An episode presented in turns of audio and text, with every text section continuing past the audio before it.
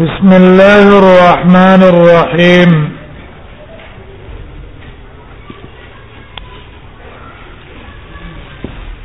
وفي الباب عن علي بن شيبان وانس وابي هريره ورفاعه الزرقي قال ابو يساوي حديث ابي مسعود حديث حسن صحيح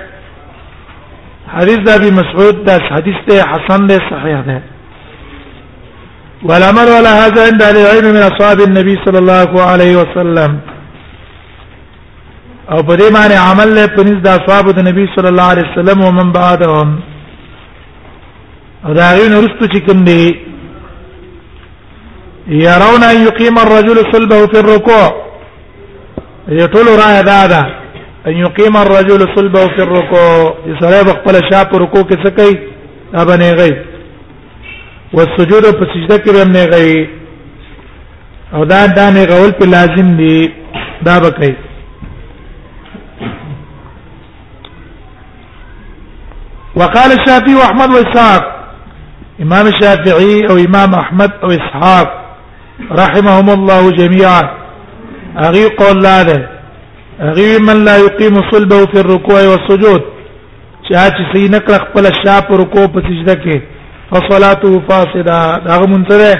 فاسد ده حدیث النبي صلى الله عليه وسلم ذکر نبی صلی الله علیه وسلم فرمایي لا تجزئ صلاة لا يقيم الرجل فيها صلبه في الركوع نکیږي منځ هغه سری لا یقیم الرجل فی صلبه فی الرکوع چې نه برابرې پاک خپل شا پر رکوع کې په سجده کې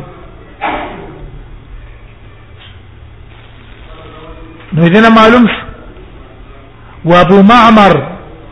او په دې روایت کې چې کوم ابو معمر دی ابو معمر څوک دی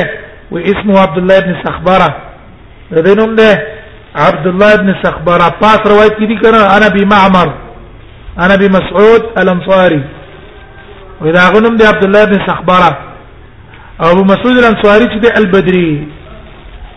اختلاف ته بده کې چیرې دا بدري ده کړه بخاري کې تاسو ویل جمهور قول او د امام د جمهور قول دا چې دا بدري نه ده اوسېدو په بدر کې یو ډول ته بدري وایي امام بخاری دا اعلان شنه البدری ده او هغه روایت تغیر پر راوړي دي اسمه یذن خپل عقبه ابن عمر ده دا ما یقول الرجل اذا رفع راسه من الركوع بعد باندې هغه دعا کې چې سره به وایي اذا رفع راسه من عن الركوع کله چې سر را پورته کو د رکوع نه رکوع نه سره سر را پورته کومه دعا به وایي هغه ذکر کوي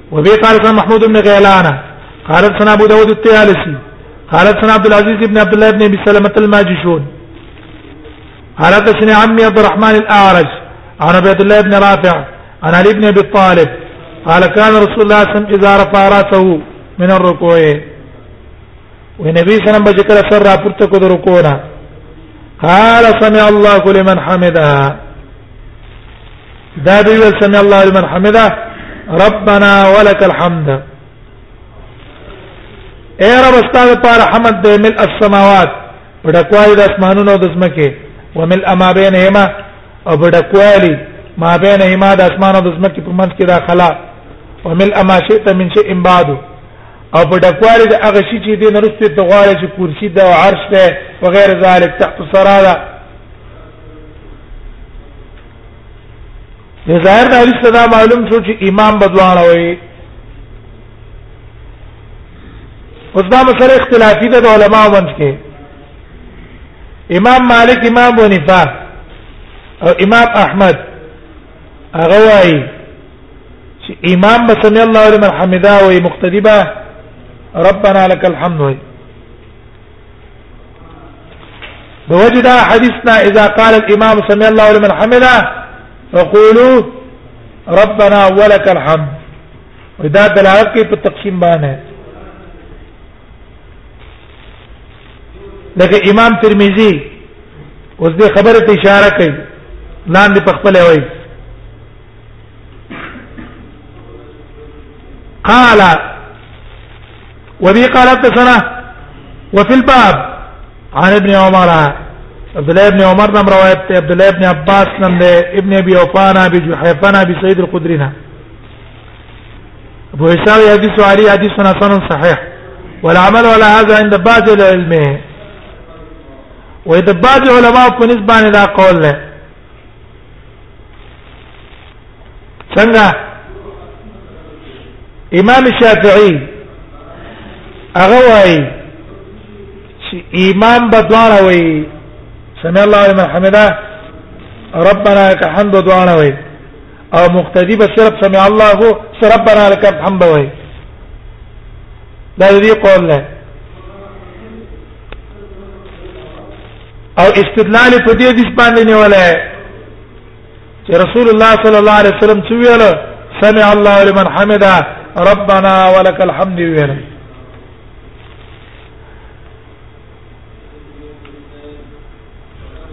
راجح دا ده په دې کې چې امام بدوانه وایي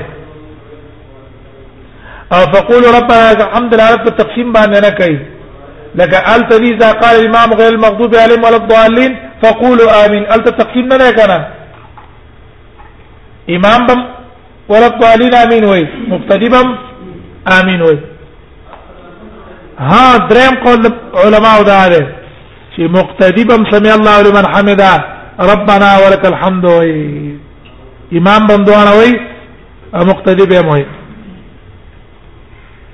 دا قول له اهل ظواهر علماء دلیل نه ولا ده دلیل روایت ته ابو هريره رضی الله عنه هغه روایت کې دي وي رسول الله صلی الله علیه وسلم قال سمع الله لمن حمده ربنا ولك الحمد او حدیث کې دی اوس صلو کما رأيتموني اصلي صلو کما رأيتموني اصلي وي رسول الله صلی الله علیه وسلم څنګه کړه ده نو مونږ ته امر هم کړی چې د سیمونځ به کوي لکه چې څنګه مونږ کوو نو وصلو کما رأيتموني اصلي په طریقه استدلال مقتضی لپاره دا حکمه شامل کړه دیم روایت دار قطنی نه سندن کمزور دی چې نبی سلام بریده ته ویل یا بریده اذا قال سمع الله لمن حمده فقل سمع الله لمن حمده ربنا لك الحمد امام سمع الله لمن حمده وینو تم سوایا ربنا لك الحمد وایا نه ګور حالت بریده ته نبی صلی الله علیه وسلم امر په دواړو کړی دی کنه دواړه به وي ها مقتدلا هم دواړه یل پکار دي لیکن ابن حجر رحم الله فتح الباری کی وای چې صحیح روایت صحیح صریح فی الجمع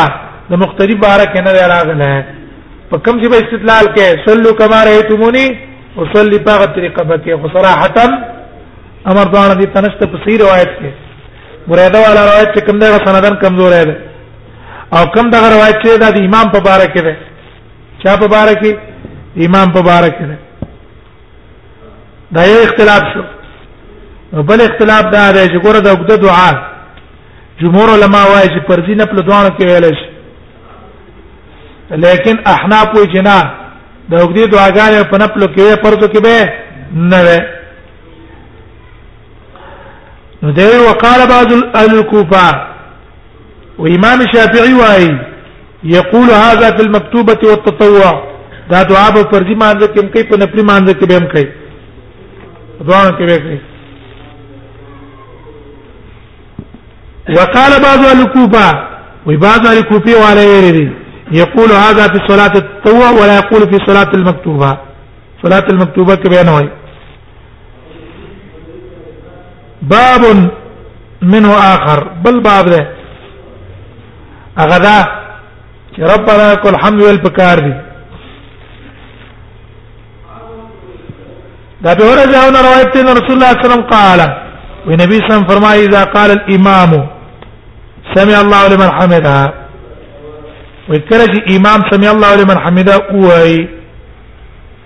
امام سمع الله لمن حمده ویلا فقولوا ربنا لك الحمد تاسو ربنا ولك الحمد وی ربنا ولك الحمد وی ابو داود کې ربنا لك الحمد امراغله اللهم ربنا لك الحمد امراغله اللهم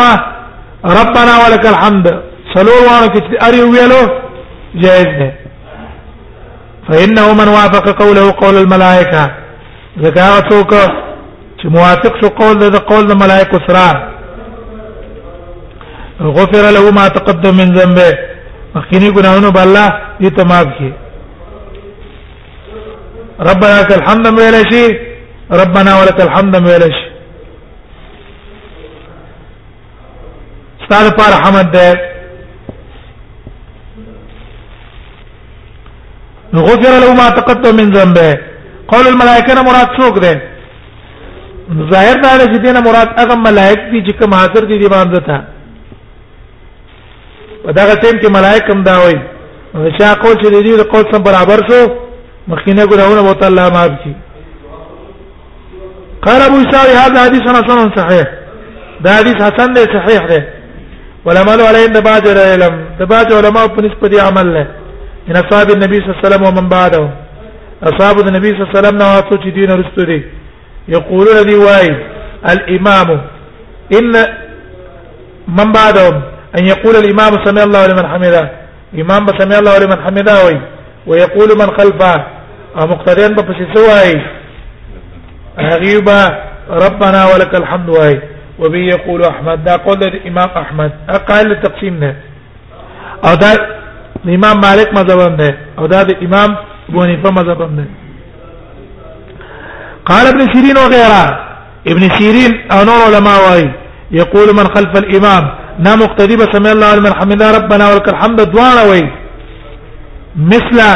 ما يقول امام جمام څنګه وای وجدا حدیثنا مکه مکه بیان کو د ابو هريره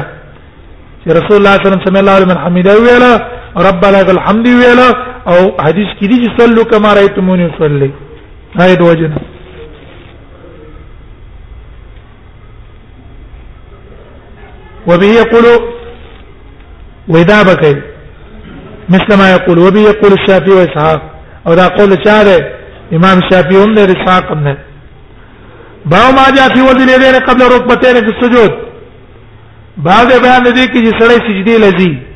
نو آیا لاسونه به مخ کې کړی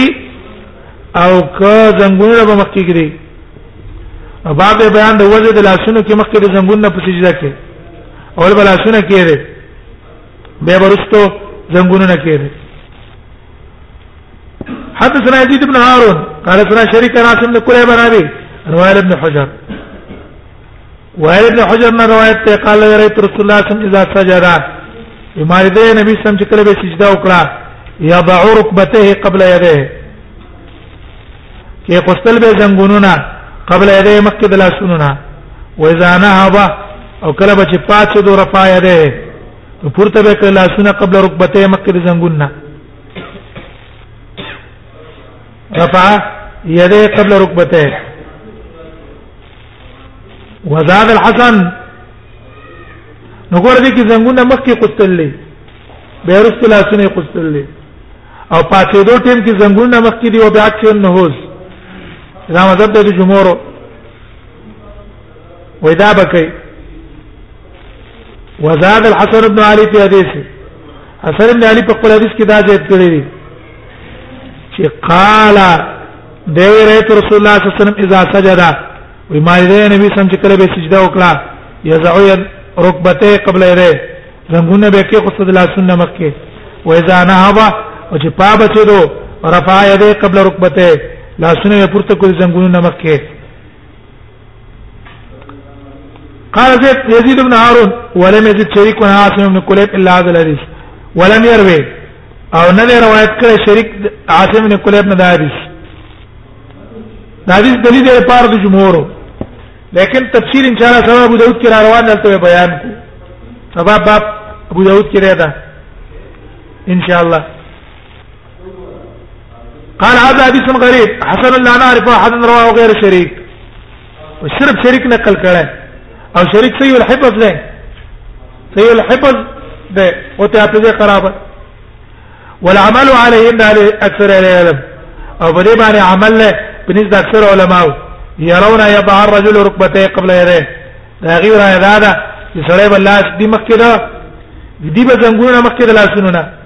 واذا نهض رفع يديه قبل ركبته او چې پاتېږي نو سبا کوي رفع يديه قبل ركبته پورته کوي بل اسونه مخکې زنګونو نه وروى همام عاصم هذا مرسلا او عاصم دا نقل کړی مرسل ولم يذكر او په دې کې څوک نه ذکر کړي وائل ابن حجر په کې نه ذکر کړي باب اخر بنو بل روایت ته چې هغه د حدیث مخالف ده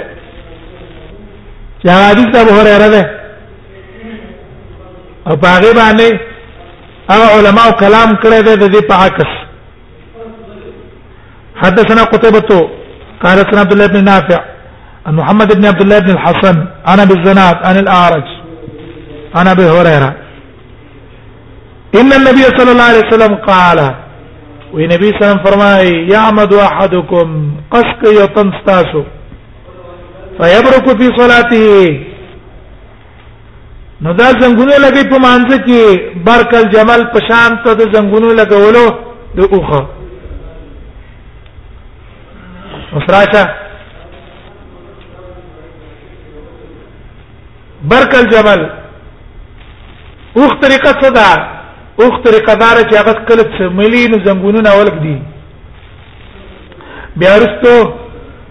لاسونه ګري اول ټوکی اول زنګونونه ولګي او بیا ورستو لاسونه ولګي دا کار کوي به د عام حیواناتو نو کوله پارت کې الټه ده تله اوخ د ارسنه الټه ده د اوخ زنګونونه دا چرته دي دا شا تخبین دي په دې خو کې څه حسابيږي دې کې زنګونونه حسابيږي دښوا الټه کار دی نو وې دلته ګور رسول الله صلی الله علیه وسلم حدیث د ابو هريره کې په تفصیل له ابو داود کې ترازی چې ول یضع یدیه قبل رکبته وې د اوخ پر انکار مکه وي چې زنګون مخ کې لګی او تاسو څوک یې تاسو را اولګیږئ زنګون مخ کې لګوي د څه مکه وي ولې ځای دی قبل رکبته لاسونه کې د مخ کې د زنګون نه وګوره کې سرعتن من رااله سو شو سرعتن من رااله به د دې باندې ابن قیم اعتراض کړی دی هغه به وایي ان شاء الله وروا همام عن عاصم هذا مرسلا حمام دا خ قال ابو سعيد حديث ابي هريره حديث غريب لا نعرف من حديث ابي الزناد الا من هذا الوجه بری طریقه راغله او وقد روى وروى هذا الحديث وقد روى هذا الحديث دا روایت تقل شهد عبد الله بن سعيد المقبرين عن ابيه عن ابي هريره عن النبي صلى الله عليه وسلم هو عبد الله ابن سعيد المقبري ضعفه يحيى بن سعيد القطان يحيى بن سعيد القطان تزويب ولا باو ما جاء في السجود على الجبهة والأنف